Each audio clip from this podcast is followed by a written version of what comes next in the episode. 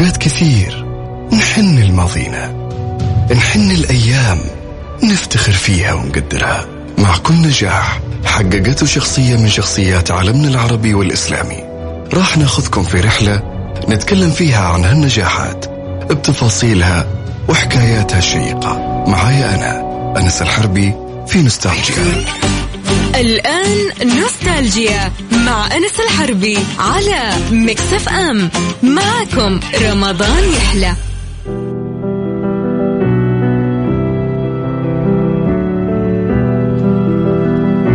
يسعد مساكم واهلا وسهلا فيكم في نوستالجيا.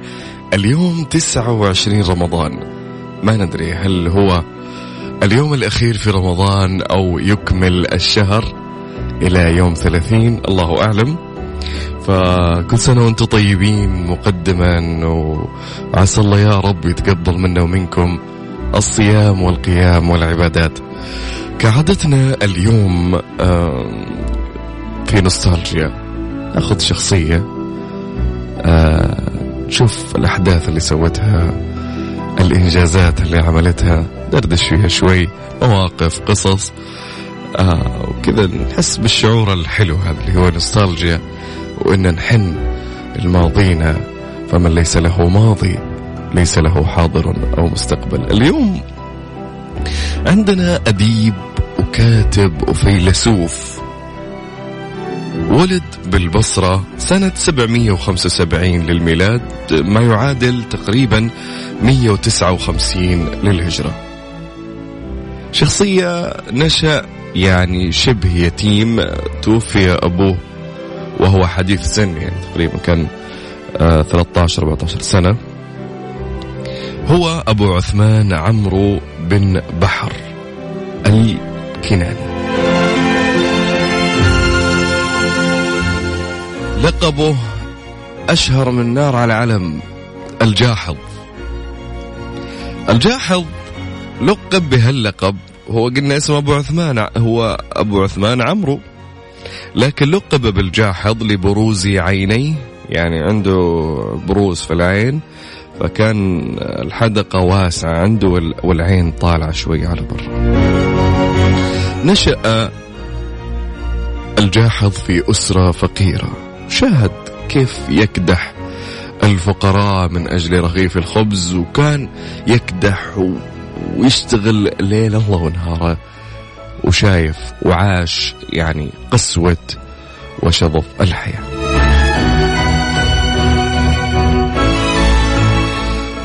كان شخصيتنا لليوم الجاحظ يعني في دمه رغبة كبيرة في العلم. كان يعني إيش أقول لك؟ متطفل علم يحب يلف على العلماء والأدباء وغيرهم يتطفل عليهم يبي يتعلم. وهذا التطفل الحميد يعني ما هو تطفل سيء للأمانة يعني. يا ليت. إنه الأيام هذه يكون في تطفل من هالنوع. يقول أبو هفان واحد من أدباء البصرة يقول عن الجاحظ لم أرى قط ولا سمعت من من أحب الكتب والعلوم أكثر من الجاحظ. فإنه لم يقع بيده كتاب قط إلا استوفى قراءته. كائنا من كان. يعني فصص الكتب فصصه. وغير كذا ينزلها. يعني يفكفك الكتب.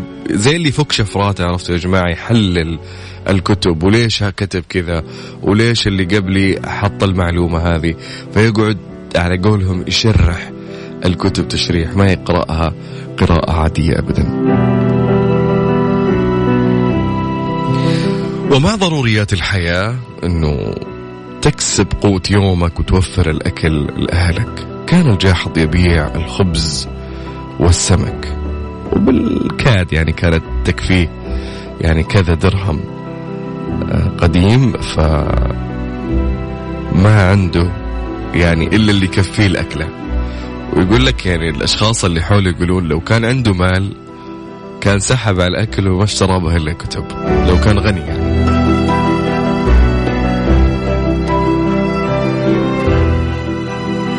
الجاحظ هو من أشهر أدباء العرب. وقالوا عنه أيضا الأديب الساخر. كان خفيف دم ومحبوب. في ذلك الزمان.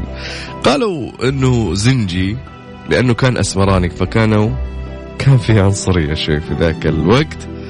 لكنه يعني نفى الشيء وقال أنا من قبيلة كنانة ولوني الأسمر هو أجمل لون. لقبوه بالجاحظ زي ما قلنا يا جماعة الخير عشان عيونه كانت طالعة برا.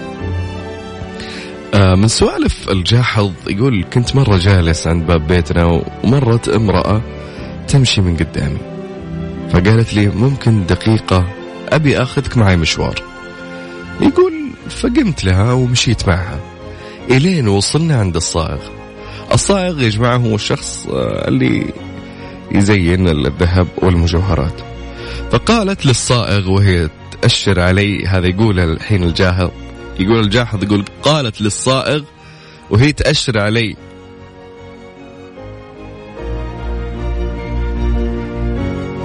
زي ما اتفقنا مثل هذا الرجل. بالضبط. يقول فتركتني ومشت وأنا ما فهمت وش السالفة. فناديت عليها وتجاهلتني وطنشت وراحت. فرحت للصايغ استفسر منه وش تقصد هذه؟ إنها تقول مثل هذا بالضبط. وشو؟ قال الصايغ والله ما أعرف إيش أقول لك لكن هي قالت أبيك تنقش لي على هالخاتم صورة لشيطان. فقلت له أنا ما قد شفت شيطان في حياتي. كيف تبيني أنقش لك شيطان؟ فقالت لي دقيقة أجيب لك واحد وجه يقول فجابتك أنت يا الجاحظ وقالت مثلك وراحت. فأظنك يعني فهمت. مؤلمة جدا يا جماعة. طبعا هذه القصة دليل أن الجاحظ كان شكله مخيف آه وليس حسن يعني حسن الخلق الخلق عفوا. كان يعني كما ذكره يعني المؤرخين إنه كان بشع الخلقه يعني له قصة عند أهل اليمن أنه راح لهم ولا حد استقبل منهم كانوا ينفرون من هيئته وشكله. لكن على قولهم إنسان حفر اسمه في التاريخ بعلمه بأدبه بالأشياء اللي صنعها.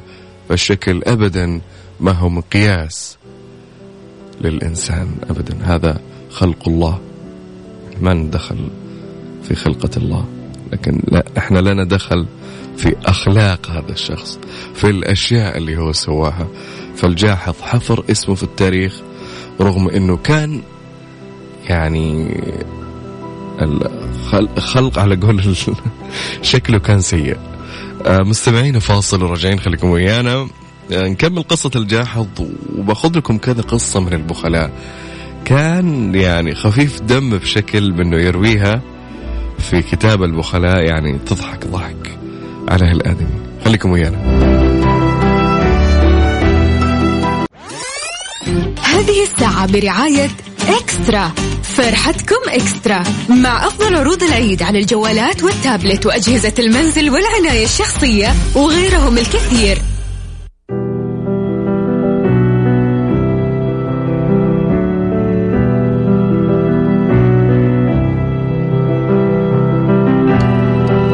مستمرين في نوستالجيا واهلا وسهلا فيكم. معكم أخوكم أنس الحربي. قلنا اليوم عندنا الأديب والكاتب والفيلسوف أبو عثمان عمرو بن بحر الكناني وهو ما يلقب بالجاحظ. تكلمنا عن سيرته من البداية ولد في بيئة فقيرة وتعب في حياته وشقى و... وكان قبيح ال... ال... الوجه كما يقال في التاريخ. يعني لدرجة يا جماعة أنه كان قبيح الشعراء تكلموا عنه كثير في ذلك الزمان. قالوا لو يمسخ الخنزير مسخا ثانيا ما كان إلا دون قبح الجاحظ. آه يعني هذا يدل أنه كان يعني الله ما أعطاه الجمال في الوجه.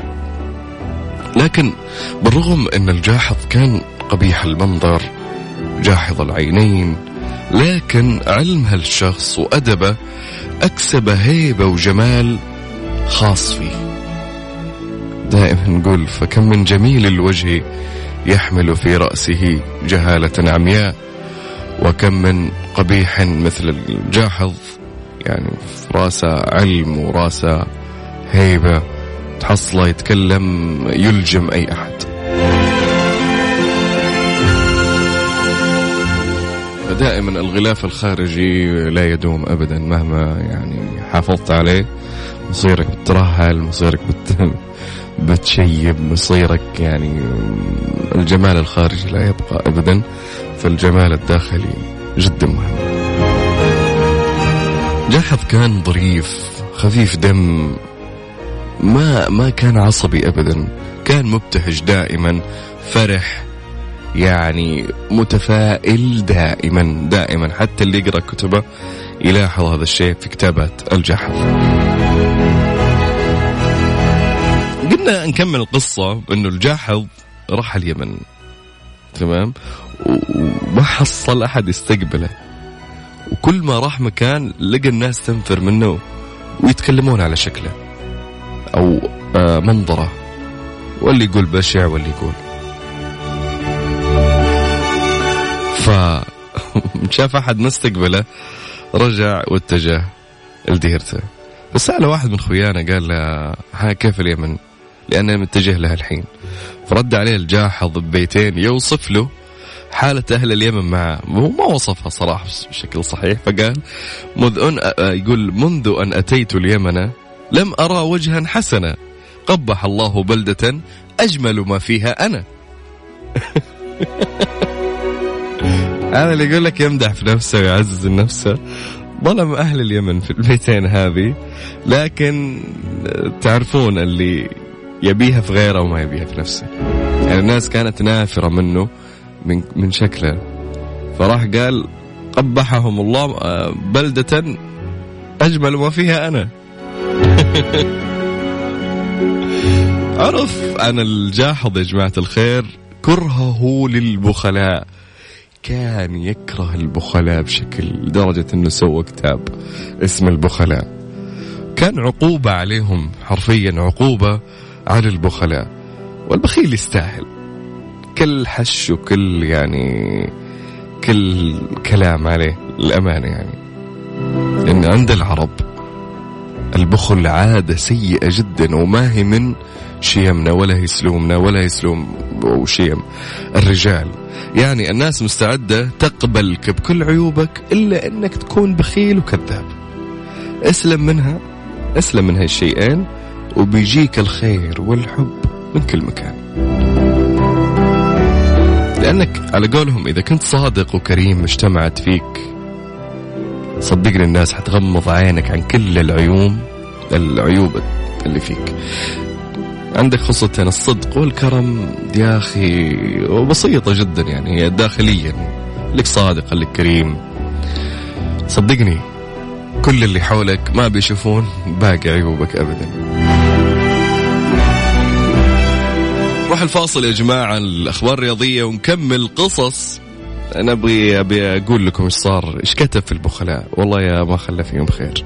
ما خلى في البخلاء خير. فاصل وراجعين خليكم ويانا.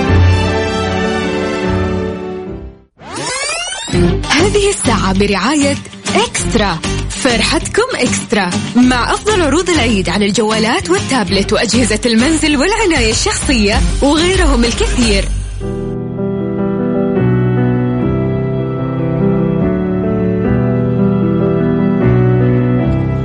مستمرين معكم في نوستالجيا وأهلا وسهلا فيكم. قلنا قصتنا لليوم هي عن أبو عثمان عمرو بن بحر الكناني البصري. وهو ما يلقب بالجاحظ.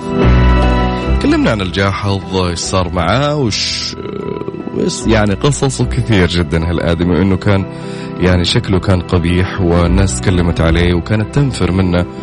وجات شخصية القصة الأولى اللي جات امرأة تبي توصف الشيطان لصائغ مجوهرات فراحت جات أخذت الجاحظ قالت تعال ذيك السالفة. راح معها الجاحظ ودته للصائغ قالت مثل هذا بالضبط. فحصلت له مواقف جدا كثير لكن الجاحظ كان يعني عالم جدا كبير جدا كبير وشاعر وأديب وفيلسوف ومثقف جدا ومثقف جدا كان يعني جماله كان في علمه حضوره وهيبته. طبعا قلنا إنه نبغى ناخذ كتاب البخلاء ونقرأ كذا قصة آه، من كتاب البخلاء. قروه يا جماعة جدا جدا ممتع مسلي بشكل يعني رهيب.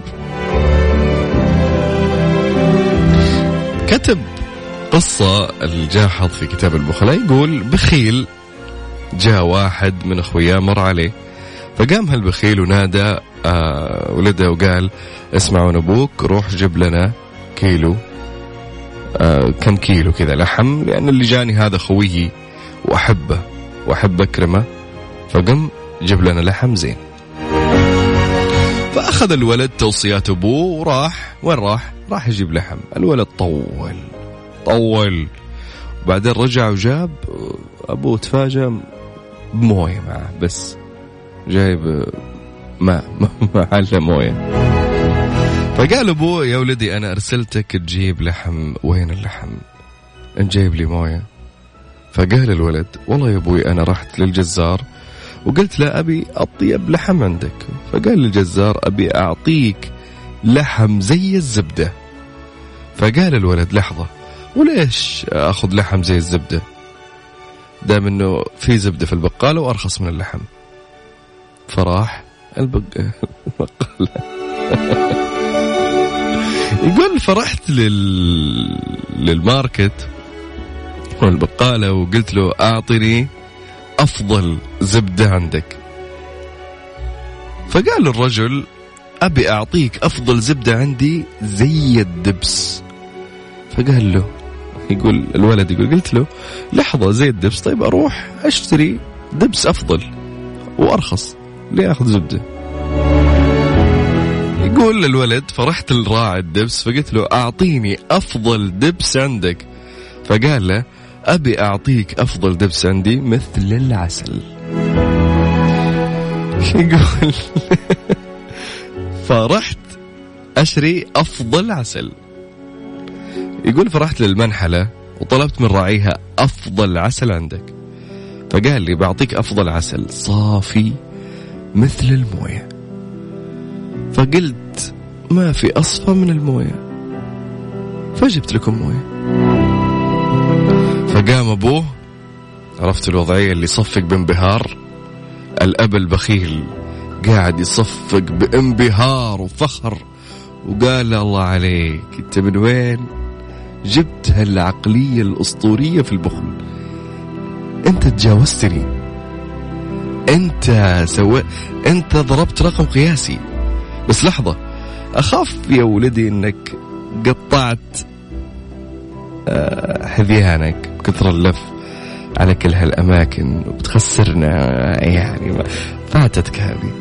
قال الولد وهذه ما تفوتني يا أبوي. لا فعليك. أصلا أنا أخذت خليت حذياني وأخذت حذيان الضيف استخدمته في هالمشوار فما خسرنا ولا شيء. فناظر في أبوه كذا بكل فخر قال والله تعجبني. تعجبني. فرد الولد تربيتك يا أبوي. هذه من قصص البخلاء في كتاب الجاحظ اللي هو كتاب البخلاء للجاحظ. اغلب كذا. ما خلى البخلاء في حالهم أي موقف وأي قصة سمع عنها جلدهم وكتبها في كتابه. راح نفاصل يا جماعة قصير وفي قصص آه، بعطيكم إياها آه، أو قصة لبخيل يعني أسوأ من اللي قبل هذا اللي تكلمنا عليه أسوأ في آه كتاب البخلاء الجاحظ. بعد الفاصل إن شاء الله.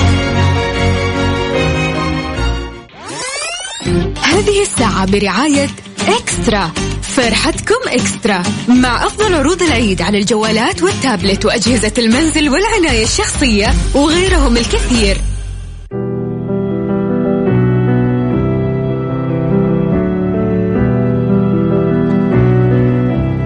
مستمرين معكم في نستالجيا ويا هلا وسهلا فيكم. قلنا اليوم آه، قصتنا عن الجاحظ. تكلمنا عن سيرة حياته وإيش سوى وإيش حط وإيش فعل. وصفاته الشخصية وكيف تعامله مع الناس أو الناس كيف تتعامل معه هو كشخصية. كان شخص لطيف خفيف دم مرح كان يكره البخلاء وتعهد انه يخلوه يخليهم يتوبون عن البخل. فسوى كتاب كامل اسمه البخلاء وذكر فيها قصص جدا كثير هزلية ويعني كلها هزل في البخلاء. في قصة من القصص يذكرها الجاحظ الجاحظ ويقول إنه كان في بخيل عنده ثلاث عيال. البخيل اشترى لحمة طبخ اللحمة وشرب مرقها. تمام؟ طبخها مرة ثانية وشرب مرقها. ومرة ومرة ومرة ومرة وقاعد يطبخ ويشرب المرق ويطبخ ويطبخ ويطبخ. لين اللحمة صارت يعني مادة لزجة ذابت يعني المكونات الغذائية الألياف اللي فيها كلها راحت. كثر ما هو قاعد يطبخها ويستهلكها ويشرب المرق يعني ف... ف أكل اللحم. إيش باقي؟ باقي العظم. تمام؟ طبعا هذا كله وما خلى عياله يأكلون معه بس يتفرجون فقط. بعد ما انتهى رفع لهم العظمه وقال ها العظمة هذه لمين؟ قال لحظة لحظة عندي شرط. اللي بياخذ العظمة فيكم يعلمني وش بيسوي فيها. مسألة إنك تاخذ العظمة بدون فايدة ترجع لنا؟ لا لازم فايدة. فقال الولد الكبير والله ما فك العظم إلين انظفه تنظيف لدرجة إن النمل ما يجي عليه. لأن النمل يا جماعة الخير دائما يجي على بقايا الطعام اللي في الأكل. فقال هو بينظفه الولد هذا الأول الكبير لدرجة إنه حتى النمل ما يستفيد منه ولا بيجي ولا بيعبر هالعظم. فقال أبوه لا لا لا ترمي العظم. والله إنك مسرف. هذه مي أخلاقنا. خليك على جنب. راح للولد الأوسط وقال له أنا الولد الأوسط قال له أنا أعطيني إياه أبي آكل هالعظم واخلي اللي يشوفه يقول هالعظم له سنوات من كثر ما هو متحلل. فقال أبوه لا أنت مسرف مثل أخوك الكبير. كيف كيف ترمي العظم؟ أنا ربيتكم على الإسراف. أنتم ما أدري طالعين مين. طالعين لمين أنتم؟ فقال أصغرهم أعطيني إياه وأبي آكله ولا خلصت منه أبي أطحنه وآكل واستفيد منه وهو مطحون. حرام يرمي العظم. قال لابو الله عليك. أنت ولدي اللي أفخر فيه. وهذا العظم لك. وزادك الله معرفة وحرص بخيل أصيل مثل أبوه. يعني أنا ما أدري هل فعلا هذا طبعا مكتوب في كتاب البخلاء الجاحظ بس هل فعلا في ناس توصل لهالمستوى من البخل يا جماعة؟ في ناس توصل لهالمستوى إنه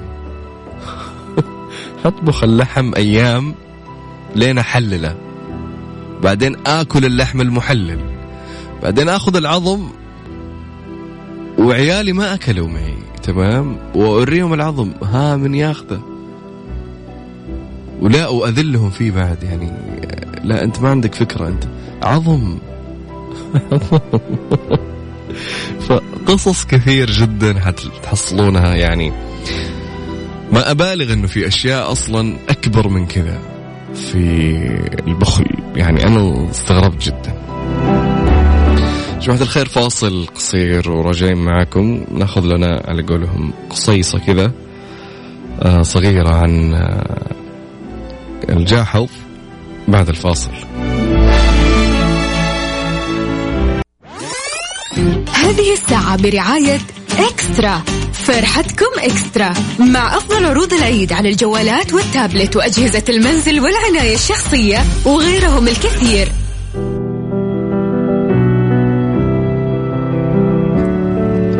سوالف الجاحظ كثيرة مع البخلاء ومع المعلمين والصبية. آه فيذكر في كتابه البخلاء أنه في يوم من الأيام مر بمعلم وحوله أطفال. يعلمهم وكل واحد من هالأطفال بيده لوح. آه، تعرفون يا جماعة أكيد اللي لحقوا حقبة الكتاتيب اللي هو لوح خشبي يكتب عليه آه آيات من القرآن أو غيرها. يقول لفت انتباهي إنه لوح من الألواح بيد واحد من الأطفال. فناداه الجاحظ وقال تعال. فكان اللوح بيد الطفل مكتوب فيه قرآن لكن كان مكتوب بشكل غريب. يعني فقال يعني شاف الآيات متقلبة. هي الآية ذكرها الجاحظ أنه وإذ قال لقمان لابنه وهو يعظه يا بني. فإلى آخر الآية. فكانت الآية هذه مخربطها شوي المدرس المعلم. فقال الجاحظ هاي أنت يا معلم أنت معلم أنت ويحك. يعني نهر. قال أنت تعلمهم غلط. وتدخل سور وآيات في بعض. فقال المعلم طلع بخيل. فقال فقال المعلم يا ولد للطالب حط لوحك على جنب وانت الجاحظ وش دخلك؟ أبوه الولد يدخل شهر على شهر في المرتبات في العطية اللي هي الراتب. كان يعطيني شهر مثلا يعطيه شهر تسعة يأخر له نص عشرة وهكذا. فكان يدخل لي عطيات على بعض في مواعيد العطية اللي هي الرواتب. فأنا بعطي ولده صور متداخلة زي ما يعطيني هو الراتب. فبأخر له صور وأدخل له صور في بعض.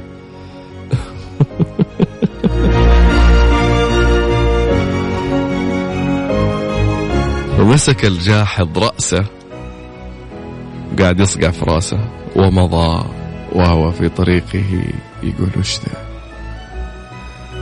يعني في ناس لدرجة إنها ممكن تعلم غلط أو تحرف أشياء بسبب البخل وبسبب إنه يعني عناد أو شيء.